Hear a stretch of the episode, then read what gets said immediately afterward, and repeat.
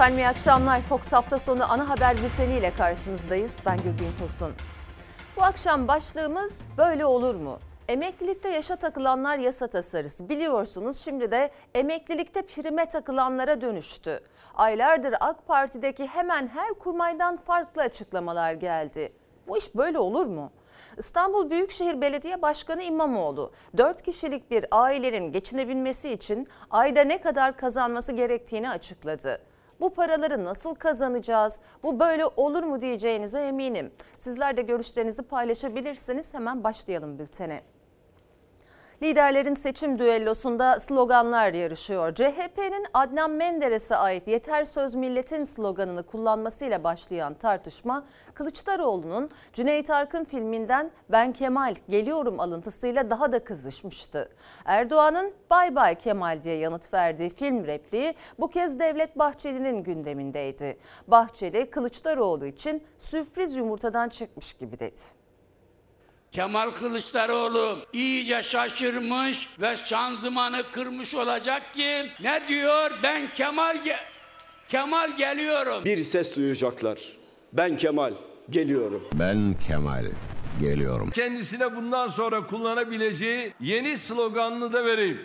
Bay Bay Kemal. Liderlerin düellosuna Kılıçdaroğlu'nun bir film repliğinden alıntıyla ortaya attığı Alo ben Kemal geliyorum sloganı damgasını vurdu. Erdoğan'ın Bay Bay Kemal misillemesinden sonra ittifak ortağı Bahçeli de Kılıçdaroğlu için sürpriz yumurta benzetmesi yaptı. Bu Kılıçdaroğlu sürpriz yumurtadan çıkmış gibidir. Merhum Cüneyt Arkın'ın başrolünü oynadığı filmden aşırdığı bir sözü kendisine uyarlayan Kılıçdaroğlu gelse ne yazar, gelmese ne yazar. Alo.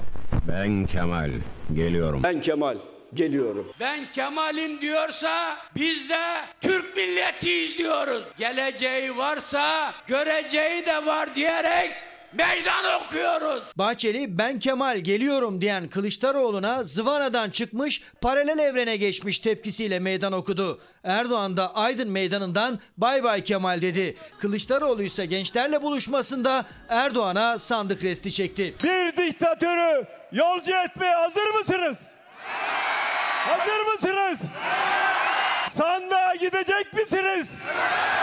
14 Mayıs'ta Bay Bay Kemal diyor muyuz? Onların baskıları bir izi yıldıramaz. Onların beşli çeteleri, paramiliter güçleri, sanatları bizi yıldıramaz. Alo ben Kemal geliyorum sloganı gibi yeter söz milletin sloganı üzerinden başlayan polemik de hız kesmedi. Ya ne yüzsüzsün ya. Bunu kalkıp bir de partisinin binasına asıyor. Yeter söz milletindir afişini asıp eleştiriler üzerine ben Kemal geliyorum afişini asan Kılıçdaroğlu sonunda Cumhurbaşkanlığı adaylığı yerine figüranla dümen kırmıştır. Ben Kemal geliyorum. Sloganların diliyle siyaset seçim havasına da girmiş görünüyor. Seçimde 6 milyona yakın genç ilk kez oy kullanacak. CHP lideri Kemal Kılıçdaroğlu da gençlerle buluştu. Onlara mesajlarını verirken salondan bir lise öğrencisi aday olma diye seslendi. Kılıçdaroğlu daha sonra o gençle bir araya geldi. Buzlar erimiş gibi görünüyordu.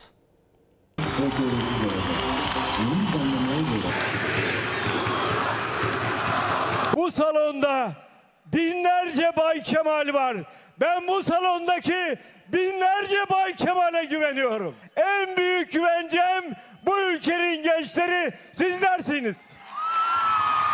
Ve sizin hakkınız olan parayı alacağız. O parayı size teslim edeceğiz. Verdiği miras bırakacağız. Çankaya 13. Cumhurbaşkanımız Çankaya'da oturacak. Gençlerle buluşmasında aday olma diye seslenen genci görmezden gelmedi. Aksine daha sonra bir araya geldi. Hatıra fotoğraflarının çekildiği sohbet sonrası CHP lideri Kemal Kılıçdaroğlu'na ses yükselten lise öğrencisi buluşmadan tebessümle ayrıldı. kendisi de oyunu karşılığında herkesin düşüncelerine saygı duyması gerektiğini ve oradaki bana yapılan müdahalenin aslında kendisini desteklemediği hareket olduğunu. Kılıçdaroğlu partisinin gençlik kolları tarafından İstanbul'da düzenlenen Geleceği Kur Festivali'ne katıldı. Spor giyimiyle dikkat çekti, gençlere onların diliyle, elleriyle kalp işareti yaparak selam verdi. Evet iktidar. İktidara gitmenin yolu çalışmaktır. Mücadele etmektir. Sandığa gitmektir. Oy kullanmaktır. Bu seçimde ilk kez oy kullanacak yaklaşık 6 milyon gence sandığa gidin mesajı verdi Kılıçdaroğlu. Salonun her tarafında Cumhurbaşkanlığı forsu vardı. Kemal Kılıçdaroğlu Çankaya Köşkü'nü işaret etti. Burası saray değil biliyorsunuz. Burası Çankaya. 13. Cumhurbaşkanımız Çankaya'da oturacak. Saraylarda değil. Ender bir miras bırakacağız. Lise öğrencisi Ömer Faruk Berber Kılıçdaroğlu'nun adaylığına karşı ses yükseltti. Arkadaşları durdurmaya çalıştı. 13. Cumhurbaşkanımız Çankaya'da oturacak. Saraylarda değil. Kemal Kılıçdaroğlu akşam saatlerinde o gençle bir araya geldi. Korumalar zaten devreye girmemişti. Salondaki diğer gençlerin müdahalesini de desteklemediğini söyledi. Aslında bu şekilde yapmamam lazımdı. Düşüncemi daha etik yollarla halledebilirdim aslında. Daha ulaştırabilirdim. Kendisiyle bir hatıra fotoğrafı çekildik. Ee, şakalaştık, güldük. Güzel bir ayrım, güzel bir vedaydı yani. Gazeteci Özlem Gürses de Ömer Faruk Berber'e Kılıçdaroğlu'nun adaylığı ile ilgili fikrinin değişip değişmediğini sordu. Salondaki çıkışından çok farklı bir tonda yanıt aldı. Aday olsun mu Kılıçdaroğlu? Artık düşünebilirim. Fikir ve ifade özgürlüğünde olan duruşu böyle Kılıçdaroğlu'nun. Yani olması gereken. Bu arada sosyal medyada bu genç kardeşimiz adeta linç etmeye çalışanlar hatta tehdit edenler olmuş. Aynı hareketi Cumhurbaşkanı için yapabilir miydin diye sorulmuş kendisine. Uzunca bir cevap vermek zorunda kalmış. Geldiğimiz noktada genel durumumuz böyle aslında. İleri derece bir gerginlik ortamı. Cevabının bir kısmını paylaşmak isterim. Demiş ki arkadaşlar zaten bunu yapamadığımız için sinirliyiz. Karşı olduğumuz düzenin ta kendisi bu. Yıllardır özgürce düşüncelerimizi dire, dile getirebildiğimiz demokratik bir ortam oluşmadığı ve bunun oluşması için çaba sarf ediyoruz. Demiş güzel cevap. Sevgili seyirciler liderler artık meydanlara çıkmaya başladı. Meydanlardan verilen mesajlar da iyiden iyiye sertleşti. Tıpkı Cumhurbaşkanı Erdoğan'ın Aydın'da muhalefete hedef alan sözleri gibi. Erdoğan'ın seçim gününe vurguyla söylediği sözler muhalefet cephesinde sert yankılandı. Siyasette uslup tartışması yeniden alevlendi. 14 Mayıs'ta bunlara öyle çakalım ki bir daha bellerini doğrultamasınlar. Aziz milletimizden, anne ve babalardan çocuklarını Sayın Erdoğan konuşurken televizyondan uzak tutmalarını hassasiyetle rica ediyorum. Anlaşılıyor ki Recep Tayyip Erdoğan bundan sonra o koltuğa yapışabilmek için yine en çok bildiği şeye sarılacak. Küfre sarılacak, hakarete sarılacak, şeytanlaştırmaya sarılacak. Cumhurbaşkanı Erdoğan'ın muhalefeti kastederek kurduğu bu cümle sadece Aydın meydanında yankılanmadı. Siyasetteki yankısı da büyük oldu. Muhalefet üslup hatırlatmasıyla tepki gösterdi Erdoğan'ın sözlerine. İlk tepki İyi Parti lideri Akşener'den edep yahu cümlesiyle geldi. Edep yahu 14 Mayıs'ta bunlara öyle çakalım ki bir daha bellerini doğrultamasınlar. Kime neyi çakıyorsun Recep Tayyip Erdoğan? Bu nasıl bir üslup Recep Tayyip Erdoğan? Konuşurken 18 yaşından küçükleri ekranlardan uzak tutmak lazım. Erdoğan Aydın meydanından seçim mesajlarını verirken kullandı tepki çeken o ifadeyi. Davutoğlu Erdoğan konuşurken çocukları televizyondan uzak tutun vurgusuyla geçmişten bir sayfa açtı. Geçmişte Erdoğan'ın sert üslubu yüzünden Bahçeli'yi eleştiren sözlerine gönderme yaparak nereden nereye diye sordu. Bu ifadede Erdoğan yazan yerde daha önce Bahçeli yazıyordu. Çünkü daha dün Erdoğan Bahçeli için böyle sesleniyordu. Ah ah nereden nereye? Millet İttifakı'nın panzehiri belli. O kutuplaştıran dile karşı kucaklaştırmayı, o şeytanlaştırmaya karşı toplumsal barışı savunmayı sürdüreceğiz. Sayın Erdoğan'ın bugünkü Aydın konuşmasını yayınlayan TV kanallarına sesleniyorum. Lütfen yayın öncesi ilgili uyarı işaretini videonun başına yerleştiriniz. Babacan da Davutoğlu gibi televizyon yayıncılığında kullanılan uyarılardan birini hatırlatarak dile getirdi eleştirisini. Muhalefetin tepkisinde Erdoğan'ın daha önce yine üslup tartışmasına yol açan sözleri de hatırlatıldı. Türkiye Cumhuriyeti vatandaşlarını önce sürtük dedi. Şimdi ise bunlara öyle bir çakalım ki diyor. Gitmene 99 gün kaldı. Bunu biliyorsun. Her gün daha da seviyesizleşiyorsun. Her gün daha da çirkinleşiyorsun Erdoğan. Sürtük de, çöplük de, çapulcu de, yetme bir de çakalım de. Kime neyi çakıyorsun Recep Tayyip Erdoğan? Bu nasıl bir üslup Recep Tayyip Erdoğan? Erdoğan'ın sert bir dille muhalefeti hedef alan sözleri şimdiden meydanları ısıttı, siyasetin tansiyonunu yükseltti. Millet İttifakı'nın Cumhurbaşkanı adayı kim olacak? Sorunun yanıtı çok yakında belli olacak. Birkaç gün önce İyi Partili Ümit Özlale'den gelen onay makamı değiliz açıklaması Millet İttifakı'nda soğuk rüzgarlar mı esiyor sorusunu gündeme taşımıştı. CHP tartışmaya girmedi. Özlale sözlerini yumuşattı, kriz görüntüsü geride bırakıldı. İyi Parti'den gelen son çıkış ittifak dışından gelen eleştirilere yönelikti. Kazanacak aday açmazı zillet partilerini birbirine düşürmüştür. İp CHP'ye kazan kaldırmıştır. Kendi genel başkanı aday olmayan, hiçbir pazarlık yapmayan, bunun son seçimimiz olmaması için kazanacak aday şart diyen İyi Parti hakkında kuşku yaratanlara yazıklar olsun. Millet İttifakı Cumhurbaşkanı adayını açıklamak için gün sayarken CHP ile İyi Parti arasında adaylık tartışması üzerinden karşılıklı açıklamalarla ortaya çıkan gerginlik görüntüsü konuşuluyor kulislerde. Akşener'in baş danışmanı Aytun Çıray İyi Parti'ye yönelen eleştirilere karşı sert çıktı. Kılıçdaroğlu ve ekibi sürekli bence masa ahlakına aykırıdır bu. Aday muamelesi görüyor. Daha karar alınmadan sürekli Kemal Bey adayım şeklinde toplantılar, ziyaretler. Meral Hanım da bunun doğru olmadığını ifade ediyor. Ki haklı bence. 13. Cumhurbaşkanı Millet İttifakı'nın adayı olacaktır. Endişe etmeyin. Yukarıdaki tweetimin muhatapları ise uzun süredir İyi Parti'yi her an AKP ile işbirliği yapabilecek bir konumda göstererek yıpratmaya çalışan ahlaksızlarla bizi tabi parti zanneden saygısızlardır. Altılı masa ortadan çatlamıştır. Her birisi sağa sola savrulmuştur. Cumhurbaşkanı adayının kim olacağı hususunda yoğun bir karmaşa ve kutuplaşma masaya hakim olmuştur. Millet İttifakı cephesinde merakla beklenen Cumhurbaşkanı adayının açıklanacağı tarih yaklaştıkça siyasetin nabzı da yükseldi. Hem CHP cephesinde Kılıçdaroğlu'nun adaylığı üzerine verilen kuvvetli sinyaller hem de adayın açıklanacağı tarih için 13 Şubat'ın işaret edilmesiyle birlikte verilen mesajlar hareketlendirdi kulisleri. İtirazım Kemal Bey'in adaylığına değil, neredeyse bir dayatma şeklini alan, işte 13 günde de bu var, siz de bunu kabul edine. Benim itirazım o. Sayın Kılıçdaroğlu'nun ben Kemal geliyorum demesi niye birilerini rahatsız ediyor? Bunu zorlama gibi görmek, sanki masaya bir telkinmiş gibi görmüyorum ben. İyi Parti lideri Akşener ise Millet İttifakı'nın Cumhurbaşkanı adayları arasında ismi geçen Ankara Büyükşehir Belediye Başkanı Mansur Yavaş'la birlikte bir düğüne katıldı. İkili tartışmalardan uzak bir görüntü verdi.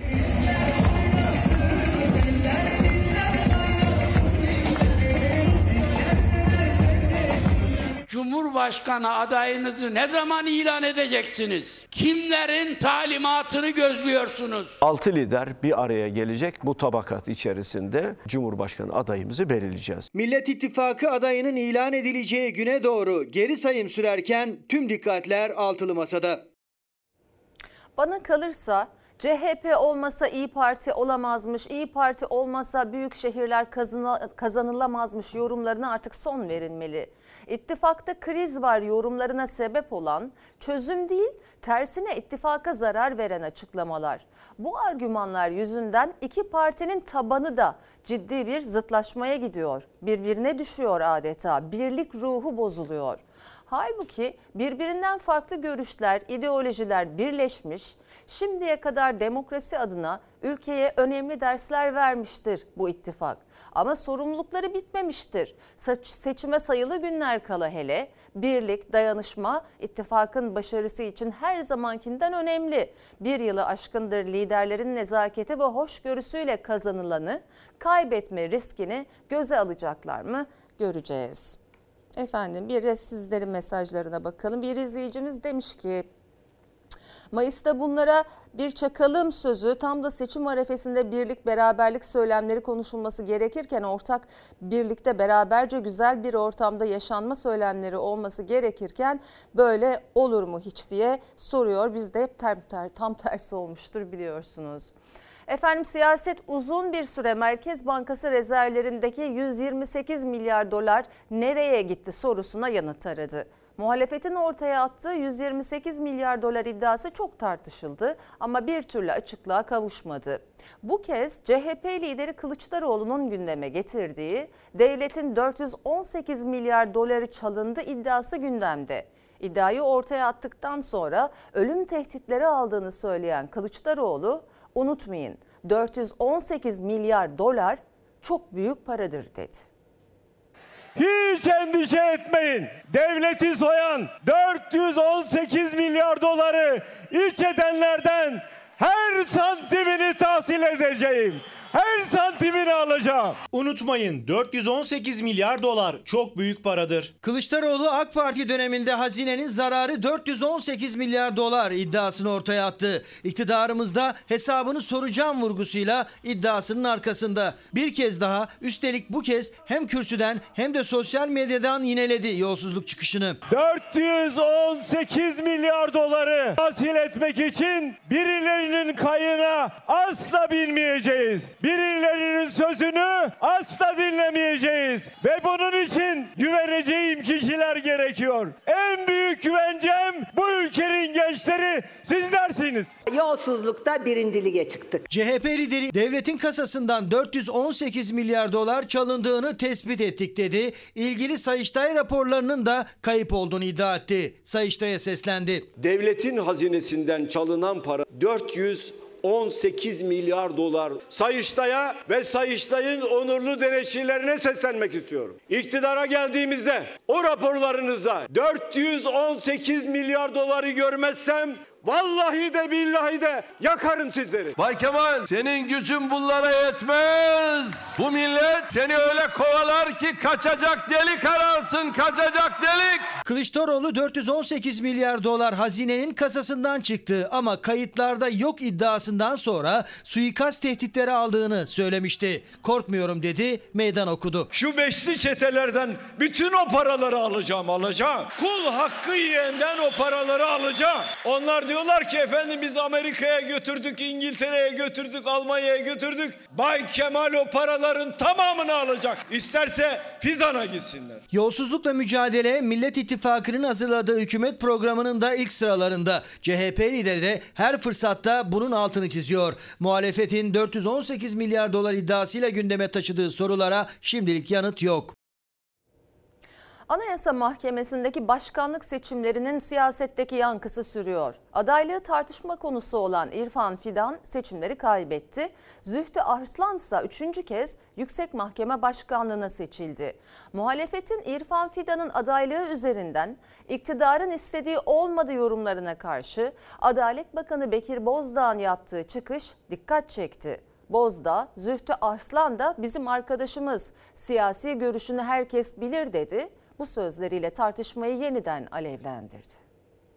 Siz Zühtü Aslan'ın yerine İrfan Fidan'ı getirmeye çalıştınız. Başaramadınız ve bir anda büyük bir moral bozukluğuna kapıldınız. Sanki Sayın Cumhurbaşkanımız işaret ettiği aday kaybetti de öbürleri kazandı da biz kazandık da havasına giriyorlar. Boşuna havaya giriyorlar. E, Zühtü Bey bizim arkadaşımız. Şimdi Bekir Bozdağ şuna cevap versin. Anayasa Mahkemesi'nin bağımsızlığının baş düşmanı saray, varlığına en büyük tehdit Devlet Bahçeli ve MHP değil mi? Anayasa Mahkemesi'nde yapılan başkanlık seçiminin ardından üçüncü kez Zühtü Arslan dönemi başladı. Kariyerindeki hızlı yükselişiyle tartışmaların odağına oturan ve en son AYM başkanlığı içinde adı geçen İrfan Fidan seçimleri kaybetti. Muhalefet, iktidarın AYM seçimlerine müdahalesi sonuçsuz kaldı dedi. Adalet Bakanı Bekir Bozdağ ise boşuna havaya giriyorlar. Zühtü Bey bizim arkadaşımız sözleriyle yeni bir tartışmanın fitilini ateşledi. Çok sevindiler. Sevinmeye devam etsinler. AK Parti'nin kapatma davası sırasında savunmasını hazırlarken Zühtü Bey'in de çok büyük emeği vardır. Anayasa Mahkemesi rahat bırakılması gereken ve özgür karar vermesi gereken bir kurumdur. Birinin iktidarın, birinin muhalefetin adayı gibi düşünmek, konuşmak büyük bir yanlıştır. Bu hatalıdır. AK Partili Bülent Turan, AYM Başkanı partiler üstüdür imasında bulundu ama Adalet Bakanı Bekir Bozdağ'ın Yüksek Mahkeme Başkanı Zühtü Arslan'la ilgili sözleri tartışmada yeni bir sayfa açtı. Yani Zühtü Bey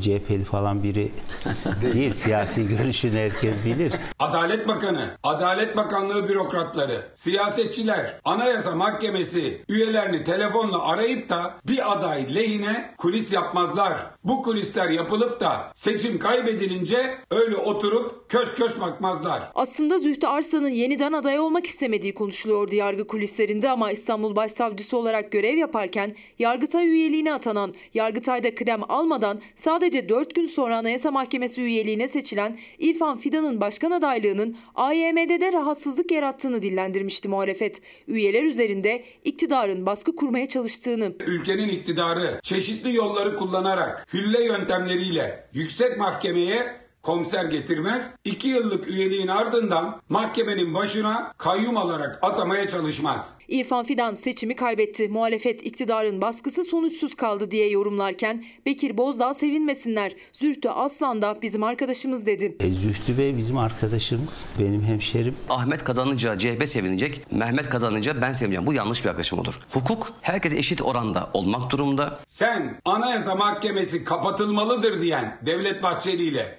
ittifak ortağı mısın değil misin? HDP kapatma davası Anayasa Mahkemesi'nin önündeki en kritik dava ne zaman görüşüleceğini belirlemek başkanın yetkisinde. Tartışmalar arasında Yüksek Mahkeme Başkanı Zühtü Arslan ne karar verecek gözler AYM'de. Efendim mecliste gelen yasa metniyle prim günü şoku yaşayan EYT'lilerin son umudu Cumhurbaşkanı Erdoğan'da. Yasanın salı günü genel kurulda yapılacak görüşmelerinde prim gün sayısının 5000'e sabitlenmesini bekliyorlar. Çünkü birçoğu kredi çekerek, borçlanarak prim borçlarını ödedi. Son anda karşılarına çıkan fazladan 975 güne varan çalışma şartının kaldırılması Erdoğan'ın müdahalesine bağlı. Erdoğan'dan henüz bir cevap gelmedi ama AK Parti Grup Başkan Vekili Bülent Turan prim düzenlemesine kapıyı kapattı.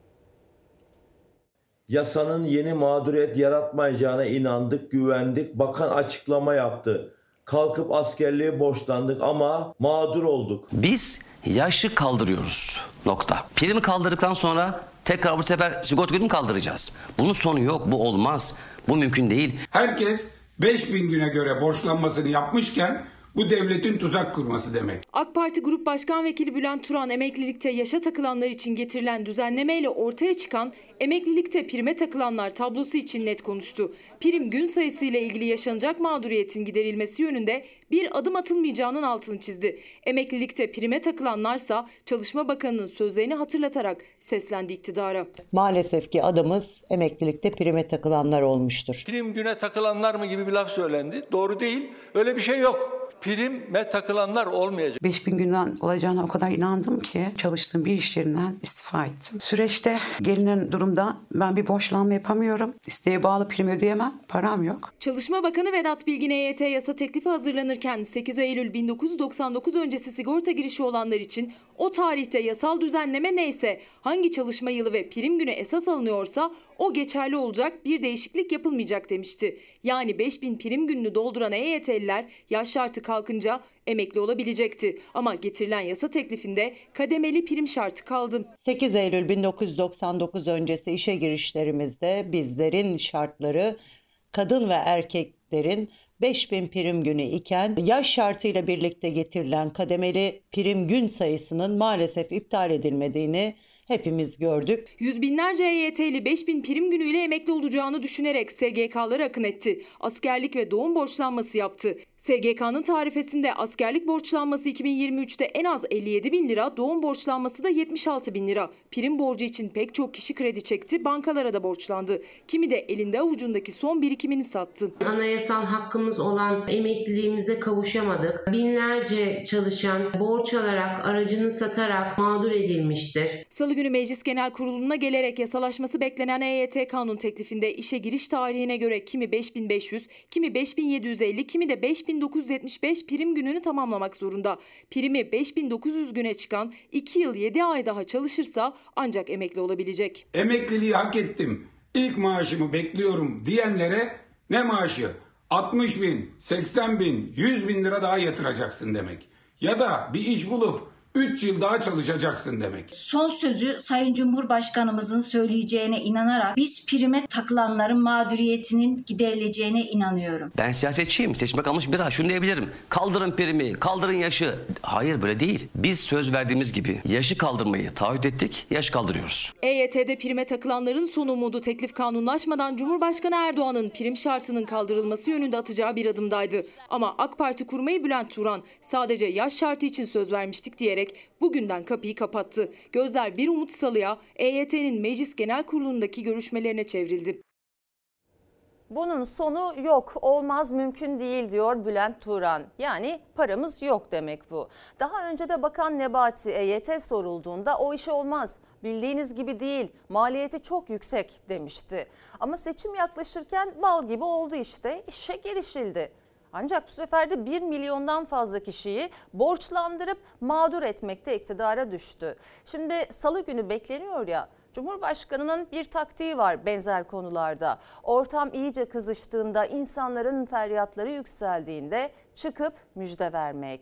Ben büyük ihtimal salı günü de çıkıp olmaz bu böyle deyip bu müjdeyi verir diye düşünüyorum göreceğiz. Efendim değerli hocam Profesör Doktor Duran Bülbül de bu konuyla ilgili önemli bir katkıda bulunmuş paylaşmak isterim. Siyasi iktidar EYT konusunda samimi olsaydı kaç çalışanımızın EYT'den faydalanacağı ve maliyetinin ne kadar olacağı belliyken 2023 bütçesine ödenek koymadılar. Aksine EYT'lileri borçlandılar, borçlandırdılar. Nasıl mı ödenecek? Yüksek vergi, zam ve borçlanmayla halka ödettirecekler diyor. Devam edelim. Zenginin geliri artarken dar gelirli her geçen gün fakirleşiyor. Sebebi dövizin fırlamasına yol açan yeni ekonomi modeli. Artık Türkiye'deki 13 milyarderin serveti 44 milyon kişinin varlığına eşit.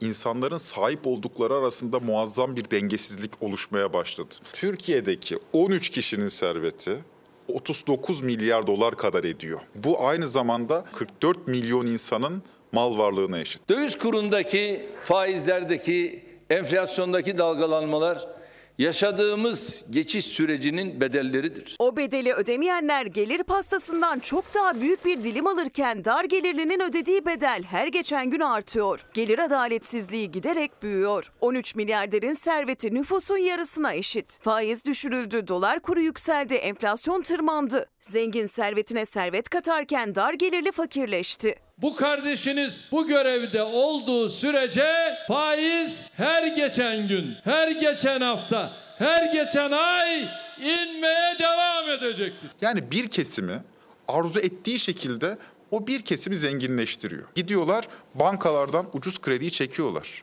Parasını bir şekilde yastık altında gayrimenkulde veya menkulde biriktiriyor. Ardarda yapılan faiz indirimi bir kesimi zenginleştirirken enflasyonun düşmesine çare olmadı. Eylül 2021'de ilk faiz indirimi yapıldığında enflasyon %19,58'di. Dolar ise 8 lira 83 kuruş. Son açıklanan enflasyon %57. Dolar kuruysa 19 liraya yakın. Dolar 10 lira olacak ya 15 lira olacak ya 6 liradan 7 liradan toplayalım dolarları Ha 10-15'e satarız. Buna karşılık ithalat devam ediyor. 110 milyar dolar kadar dış ticaret açığını biz Cumhuriyet tarihi boyunca hiç görmemiştik. Faiz sebep, enflasyon neticedir. Bu da benim tezimdir. Döviz kurunun yüksek olması en çok da akaryakıt fiyatlarını etkiliyor. Bir yıl önce Brent petrol 85 dolar seviyesindeydi. Dolar 13 lira 40 kuruştu. Varili 1100 liraya geliyordu. Brent petrol artık 80 doların da altında. Varili kurdaki yükseliş nedeniyle 1485 lira. Üstelik varilde döviz kaynaklı yıllık artış %35 iken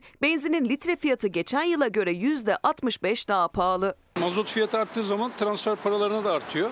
Karşı tarafa da ona göre fiyat yani enflasyonu tetikliyor işte. Biz fiyat arttırınca Ayakkabıcı da arttırıyor, kasap da arttırıyor. Aralık ayında adeta beli kırılırcasına enflasyon eğilimi hissettirmeye başladı. Döviz nedeniyle artan akaryakıt fiyatları iğneden ipliğe her ürüne zam olarak geri dönüyor. Çalışanın, emeklinin, milyonların alım gücü düşerken zengin servetinden kaybetmiyor. Fiyatlar hiçbir şekilde düşmüyor. O yüzden rahatsız tabii ki. Sadece yakıt değil, Marketler öyle, gıda öyle, evler öyle, arabalar öyle. Seçime kadar tutulabilecek, seçimden sonra patlayacak bir finansal tabloyla karşı karşıyayız. Birkaç izleyicimiz de şöyle mesajlar atıyor. Devletin hastanesinde taşeronlar çalışıyor. Bu böyle olur mu? Pandemide mücadele veren, hastalığın teşhisinde önemli rol oynayan taşeron radyoloji kadro bekliyor. Tam da bununla ilgili haberimiz var. Aktaracağız efendim. Belirtmek isterim. İstanbul İstanbul Planlama Ajansı'nın raporunu Büyükşehir Belediye Başkanı Ekrem İmamoğlu açıkladı. O rapora göre İstanbul'da yaşam maliyeti bir yılda %112 arttı. 4 kişilik bir ailenin geçinebilmesi için 30 bin liraya yakın para gerekiyor artık.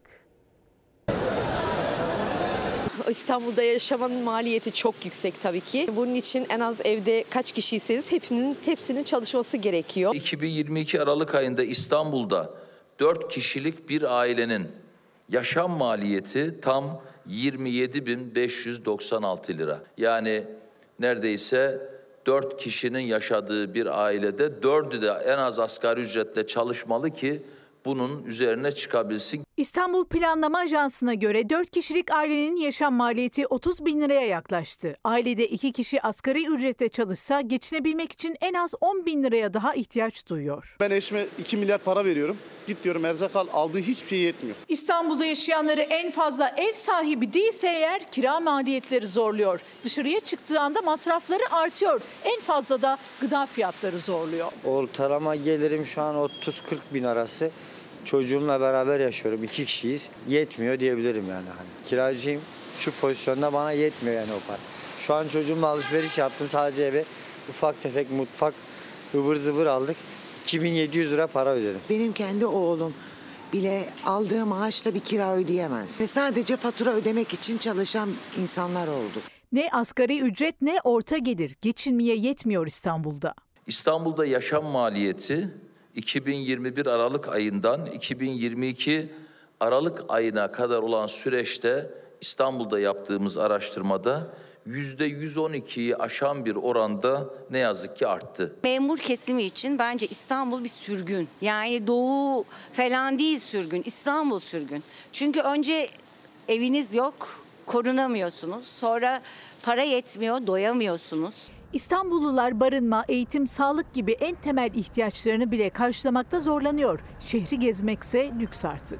2013'ten beri Bakırköy'den doğru düzgün dışarı çıktığımı hatırlamıyorum ya. Üsköy'e gideceğiz. İki kişiyiz. Gidip gelmemiz yani 70-80 lirayı bulacak. O da toplu taşıma. Kahve içelim desek bittik. İstanbullu geçinme derdinden gezemiyor ama şehirdeki pahalılık İstanbul'a gezmeye gelenleri de etkiliyor. İstanbul'da yaşamanın maliyeti sizce Ben buraya dışarıdan dışarıdan geldim. Nereden geldin? Almanya'dan. Almanya'dan. Size de mi çok geldi? Çok çok. Yani şurada şokumu yaşamıştım. İlk geldiğim iki haftadır buradayım. Bir kokoreçle bir şalgam su içtim 100 lira dediler. Almanya'da da pahalı diyorlar. Ya illa ki orası da pahalı ama e, uçurum yok bu kadar. Kiralardaki fahiş artışlar ev sahipleriyle kiracıları karşı karşıya getirmekle kalmadı. Anlaşmazlıklar artık yargıyı bile kilitlenme noktasına getirdi. CHP milletvekili Murat Emir Ankara Adliyesi Sulh Hukuk Mahkemelerine baktı ve her üç davadan birinin ev sahipleriyle kiracılar arasında olduğunu gördü. Özellikle büyük şehirlerde yaşanan yoğunluk yüzünden mahkemelerin karar vermesi yıllar sürebiliyor. Bu durum kiracıları sevindirirken ev sahiplerini üzüyor. 8,5'ta askeri ücret alıyoruz. Nasıl geçineceğiz? Hale de daha zam istiyor. Bir 600-700 lira diyor daha zam ver de diyor. Dedim ki ya geçinemiyoruz yani. İki ay sonra herhalde davalık olacağız. Benim iki kiracım var. Diyorum ki ne bana iki buçuk verin gel razı olalım. Yok diyorlar biz diyorlar 1.450'den fazla veremeyiz.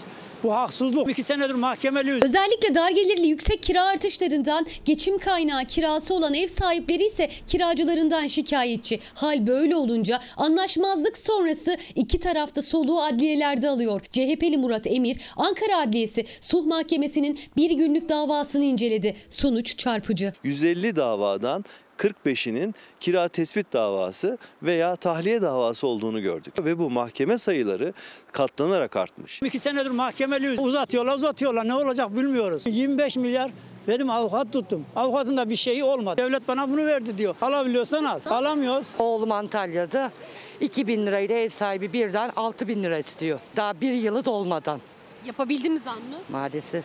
Sonuç? İstemiyorsan çık diyor. Çıkmayınca mahkemelik oluyorlar. Var kiracım evet. Memnunum ben. Zam yapmıyorum kafama göre. En son ne kadar zam yaptınız? Yani bu yıl başına yaptım işte.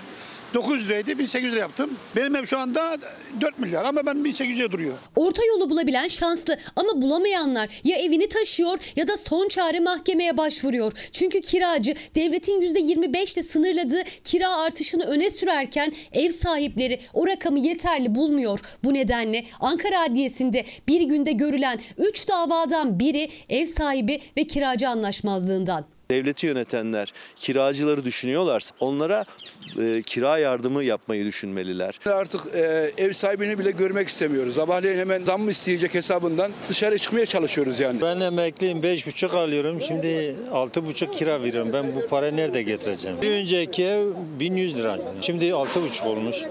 Bulamadınız mı daha düşük ev? Yok bulamadık. %200, %300 zamlandı. En düşük emekli maaşı alan bir emeklinin ya da asgari ücretli bir çalışanın maaşıyla %200-300 zammı karşılaması mümkün değil. Birçok ilçede 7-8 bin liranın altında kiralık evde yok. Öyle ki dar gelirli için zaten hayal ev alabilmek. Ama artık kiracı olmak da zorlaştı. 900 liraydı 1500 lira yaptık. Hani öyle lüks bir evde değil yani normal klasik ev.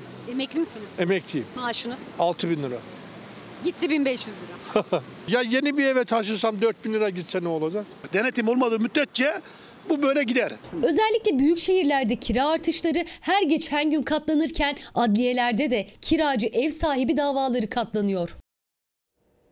Sayın seyirciler kar yağışı ve soğuk hava tüm Türkiye'yi etkisi altına aldı. İstanbul ka- karla mücadele için teyakkuzda. Yarı yıl tatili dönüşü bazı illerde okullara tatil kararı alındı. Henüz İstanbul'da okulların tatil edilip edilmeyeceği belli değil.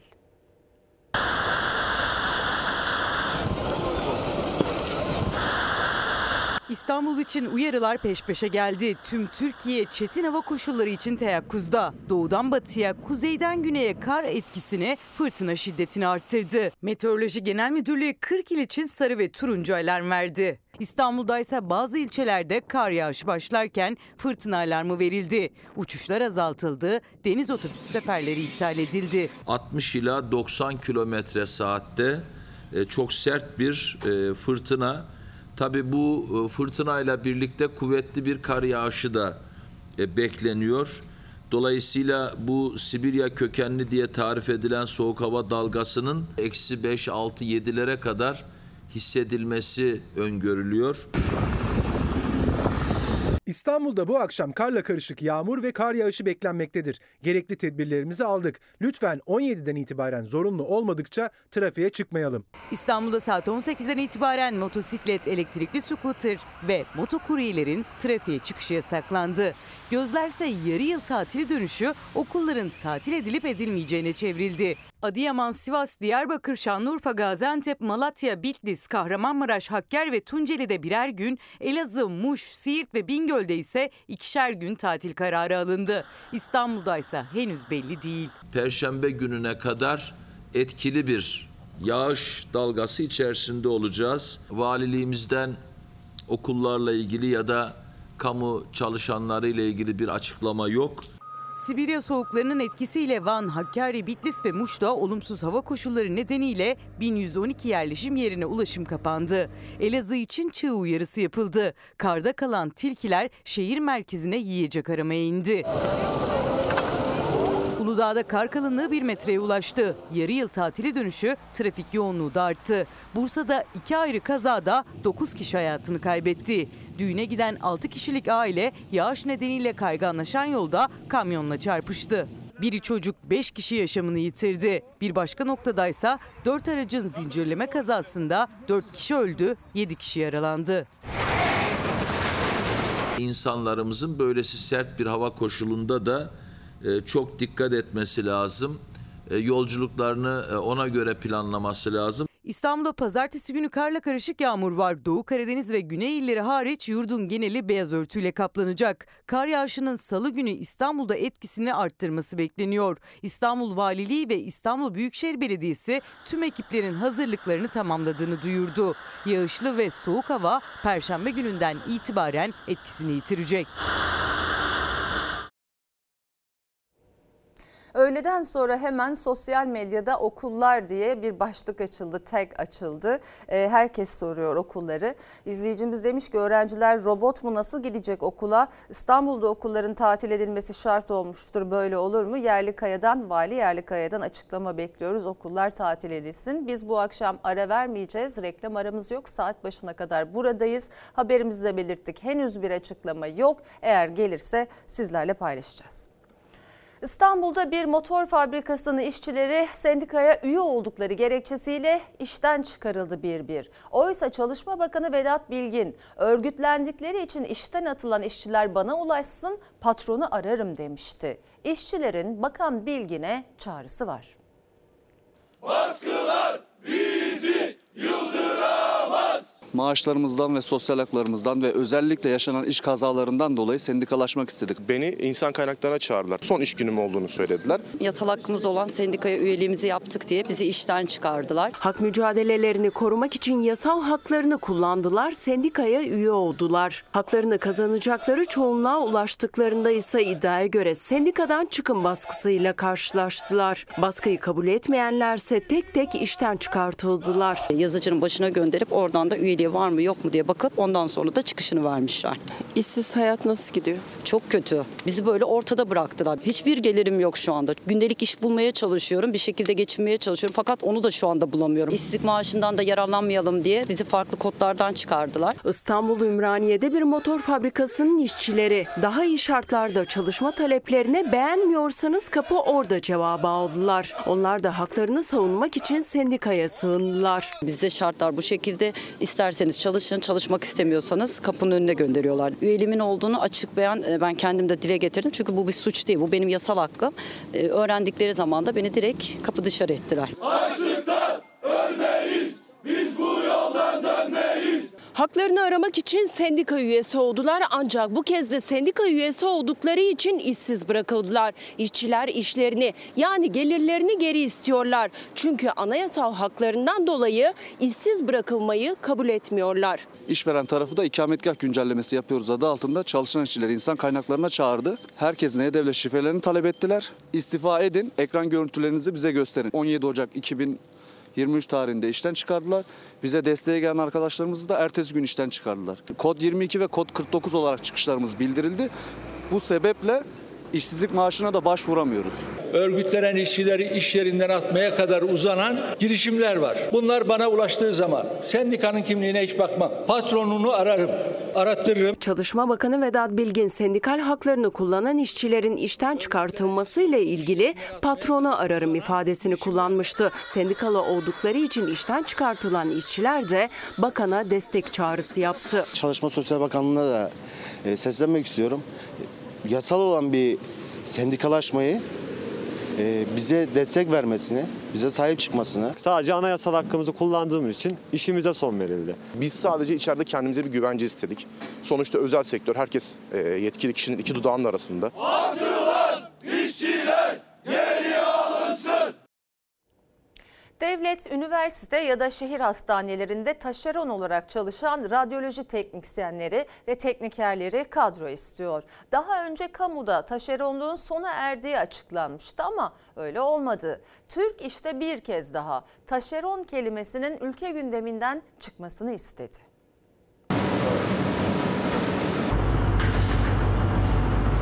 Asgari ücretin de altında çalışan birçok taşeron işçisi var. Promosyon alamıyorlar. Kıdem tazminatı bunu alamıyorlar. İş güvencesinden çok yoksunlar. Taşeron işçilere kadro verilmesini talep ediyoruz. Taşeron lafını ne ben hoşlanıyorum ne taşeronlar hoşlanıyor.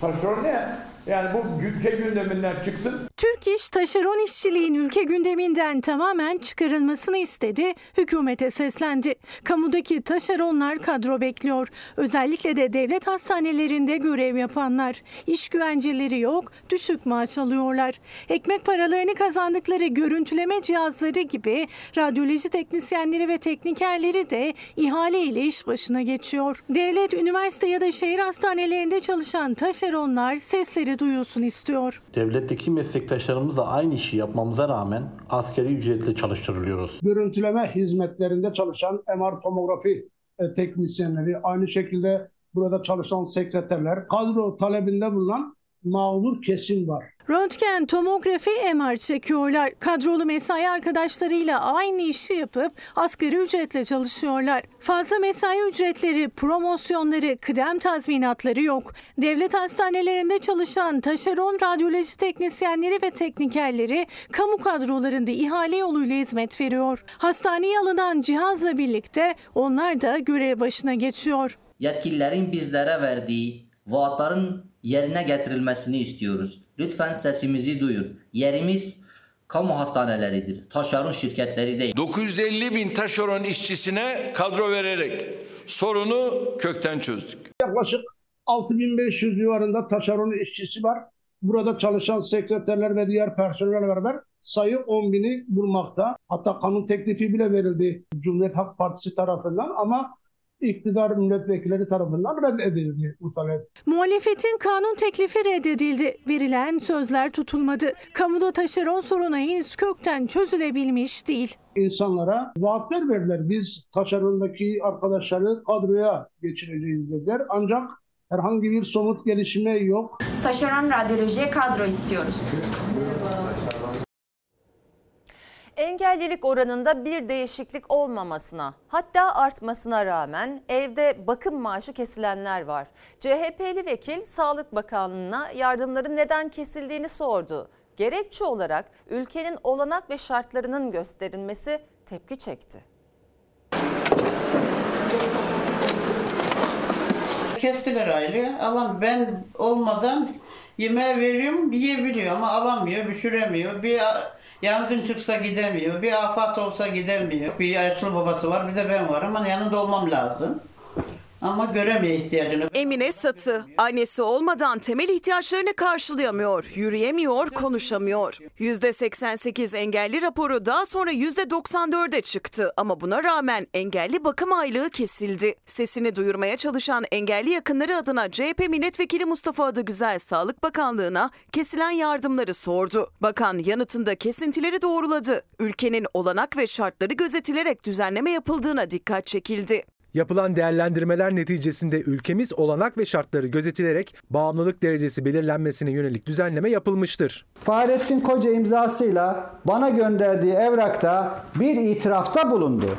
Evet biz engellilerin yardımlarını kesiyoruz ve bunu da dünyada başka örneği olmayacak şekilde ülkemize has ülkemiz olanak ve şartları gözetilerek burada çok açık bir şekilde yazıyor. 7 tane doktor baktı gördü gözüyle. Hani bir elimde ben götürüyorum. Çok ağır yani engelli.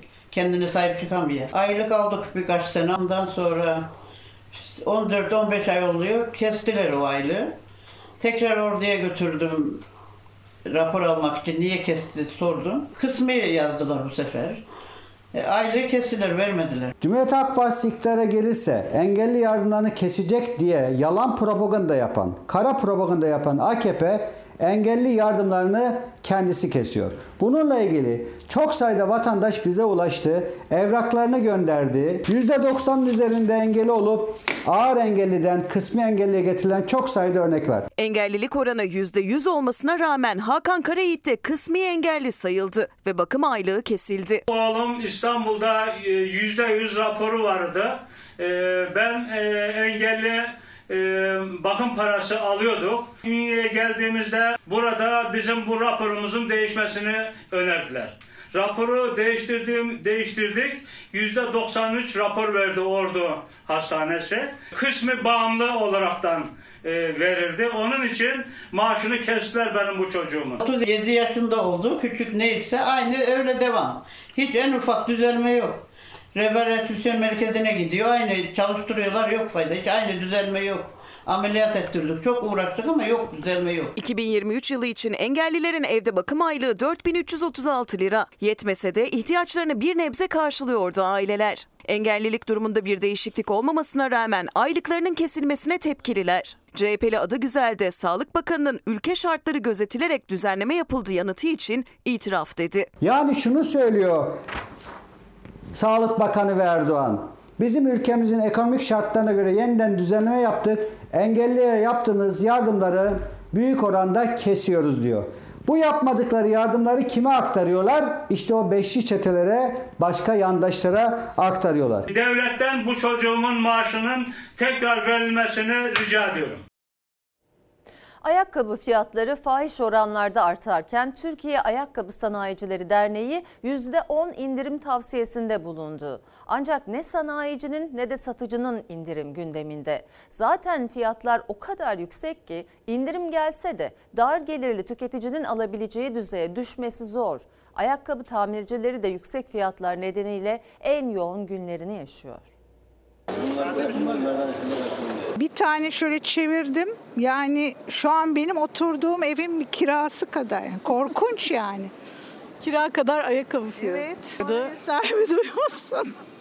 Ev kirasını bulan ayakkabı fiyatları tüketiciyi zorluyor. Türkiye Ayakkabı Sanayicileri Derneği ve Ayakkabı Yan Sanayi Derneği tüm üyelerine %10 indirim tavsiyesinde bulundu. Tüketici için yeterli değil, sanayici ve satıcı içinse mümkün gözükmüyor. Süper olur. Tüketici olarak değil de gene de %10 iyidir. İndirim adı olunca güzel oluyor. İnşallah bu %10'luk bizim kendi imkanlarımızla yapmış olduğumuz fiyatlardaki geriye gelmenin ihracatçımıza bir nefes aldıracağını, aynı zamanda iç piyasada da enflasyonla mücadele noktasında da önemli bir adım olduğunu düşünüyoruz. %20 geri gelirse biz yapıyoruz. Müşteri Siz zaten yapıyor musunuz bu indirimi? Oho, yüzde şimdi diyelim 600 lira, 600-700 liralık ayakkabıyı ben 500'e veriyorum. Hani ne oluyor? %20 indirim olmuş oluyor. Yani milleti memnun etmek için ister zaten görüyorsun.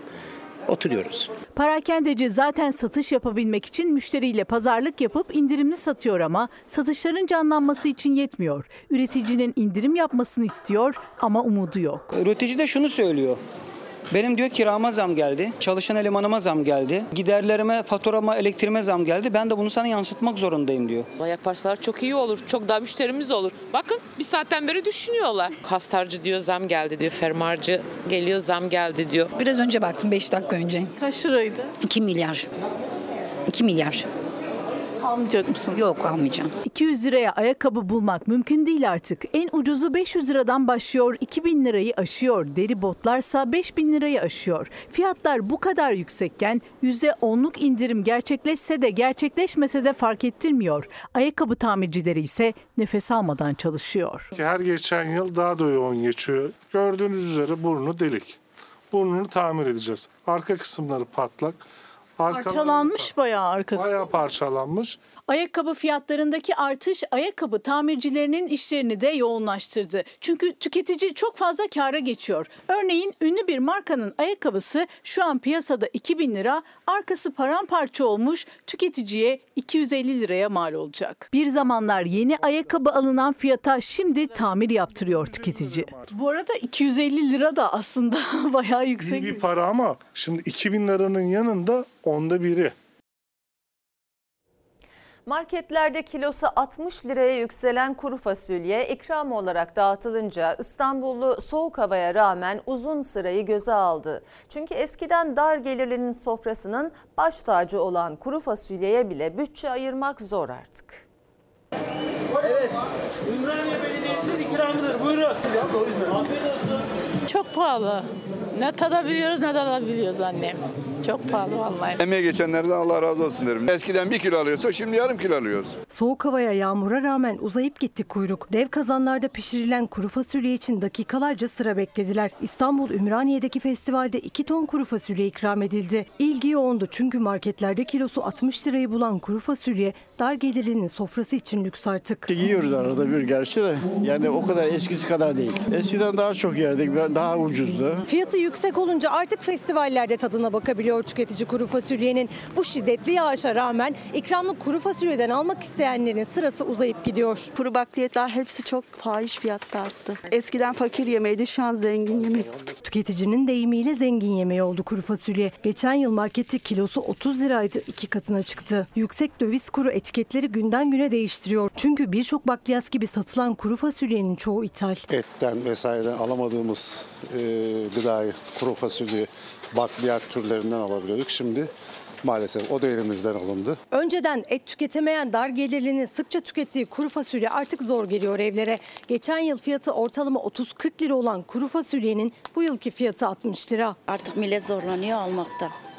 Nohut, kuru fasulye her şeye zam gelmiş. Dar gelirli kuru fasulye için de kuyruğa giriyor artık. Ya da market market birkaç lira ucuzunu arıyor. Biz Karadenizli soframızdan da eksik olmaz genelde. Uçuyoruz efendim. Söylemeye gerek yok. Ekonomimiz uçuyor. Diyarbakır'dan Bodrum'a giden yolcu otobüsü Afyonkarahisar'da şarampole yuvarlandı. İddiaya göre şoför uyuyakalmıştı. 8 kişi yaşamını yitirdi, 42 kişi yaralandı. Eldiven, eldiven, eldiven. Araba bir kere uçtuğunu gördüm abi araba ters döndü. Araziye dağılan valizler, eşyalar, ayakkabılar. Diyarbakır'dan Bodrum'a giden yolcu otobüsü sabaha karşı Afyonkarahisar'da sürücünün kontrolünü kaybetmesi sonucu devrilerek şarampole yuvarlandı. 8 kişi hayatını kaybetti, 4'ü ağır 42 kişi yaralandı. O otobüste dehşeti yaşayan yolcular 68 yaşındaki şoförün direksiyon başında uyuduğunu ileri sürdü. Galiba şoför uyumuş çünkü buzlama yoktu bir şey yoktu. Valla ben yarım uyanıktım araba kaydı galiba. Kar yağışı vardı ama iddiaya göre yolda buzlanma yoktu. Diyarbakır'dan Bodrum'a giden Salih C'nin kullandığı otobüs Dinar Haydar'la yol ayrımında devrildi. Yaralılara ilk müdahale olay yerinde yapılırken bölgeye polis, itfaiye ve AFAD ekipleri sevk edildi. Bir anda sallantı falan oldu. Emniyet kemerini takmışım Allah'tan yoksa daha kötü şeyler. Şarampole yuvarlanan otobüste aralarında 13 yaşında bir çocuğun da olduğu 8 kişi yaşamını yitirdi. 4'ü ağır, 42 kişi de yaralandı. Altta epey insanlar vardı. Jandarmamızın dediğine göre 8, 8 tane ölü, ölü varmış. Ağır yaralı olarak 4 hastamız var. Yaralılarımızın şifa bulmasını diliyoruz. Yaralı yolcularla birlikte otobüsün şoförü Afyonkarahisar ve Isparta'daki hastanelere sevk edildi. Şoför Salihçe tedavisinin ardından gözaltına alındı. Kazayla ilgili soruşturma sürüyor. Ambulanslar bizi sağ olsun şeye getirdi. Afyon Devlet Hastanesi'ne getirdi. Amerika Birleşik Devletleri hava sahası içine giren Çin'e ait balonu düşürdü. Amerika Birleşik Devletleri Başkanı Biden balonun düşürülme emrini günler öncesinde verdiğini açıkladı.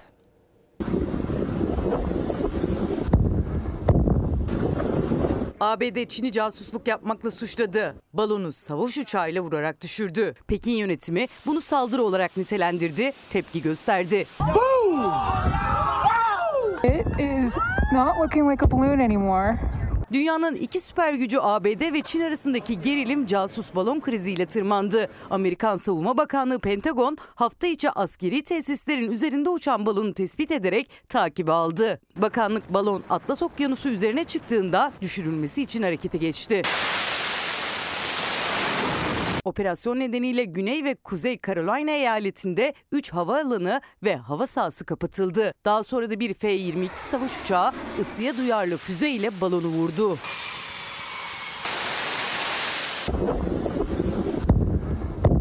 Amerikan karasuları üzerinde vurulan balon kıyıdan 6 mil uzaklıkta okyanusa düştü. ABD Başkanı Joe Biden operasyonun ardından balonun düşürülmesi emrini günler önce verdiğini açıkladı. Çarşamba günü balon ile ilgili bilgilendirildiğimde Pentagon'a en kısa sürede vurulması talimatını verdim. Kimsenin zarar görmemesi için en uygun zamanı beklediler. Pekin yönetimi balonun düşürülmesini protesto etti. Balonun casusluk amaçlı olmadığını, meteoroloji balonu olduğunu öne sürdü ve rüzgarda savrulduğunu iddia etti. Çin Dışişleri Bakanı olayda Washington yönetiminin güç kullanmakta ısrar ederek aşırı tepki verdiğini savundu. Meksika'da bir akaryakıt istasyonundaki sızıntı sonucu patlama yaşandı. Patlama ile birlikte çevredekiler ölümle burun buruna geldi.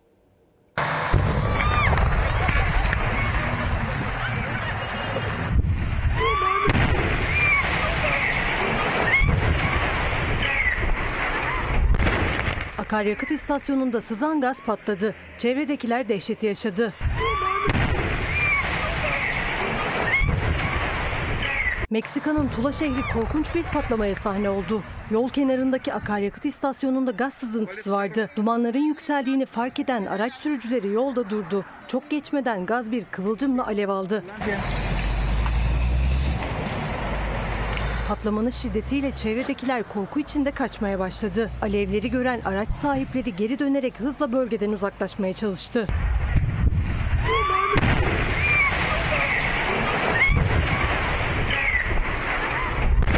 İtfaiye ekipleri kısa sürede yangına müdahale etti. Faciada iki kişi hayatını kaybetti, dört kişi de yaralandı.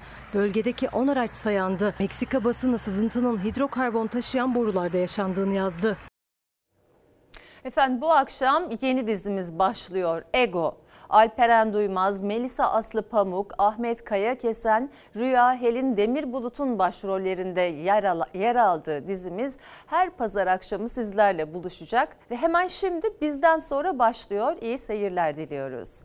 Böylelikle Fox hafta sonu ana haber bültenini noktalıyoruz. İyi bir akşam, iyi bir hafta geçirmenizi diliyoruz. Bin can feda bir tek Dostuma her köşesi cennetin ezilir yanlar için bir baş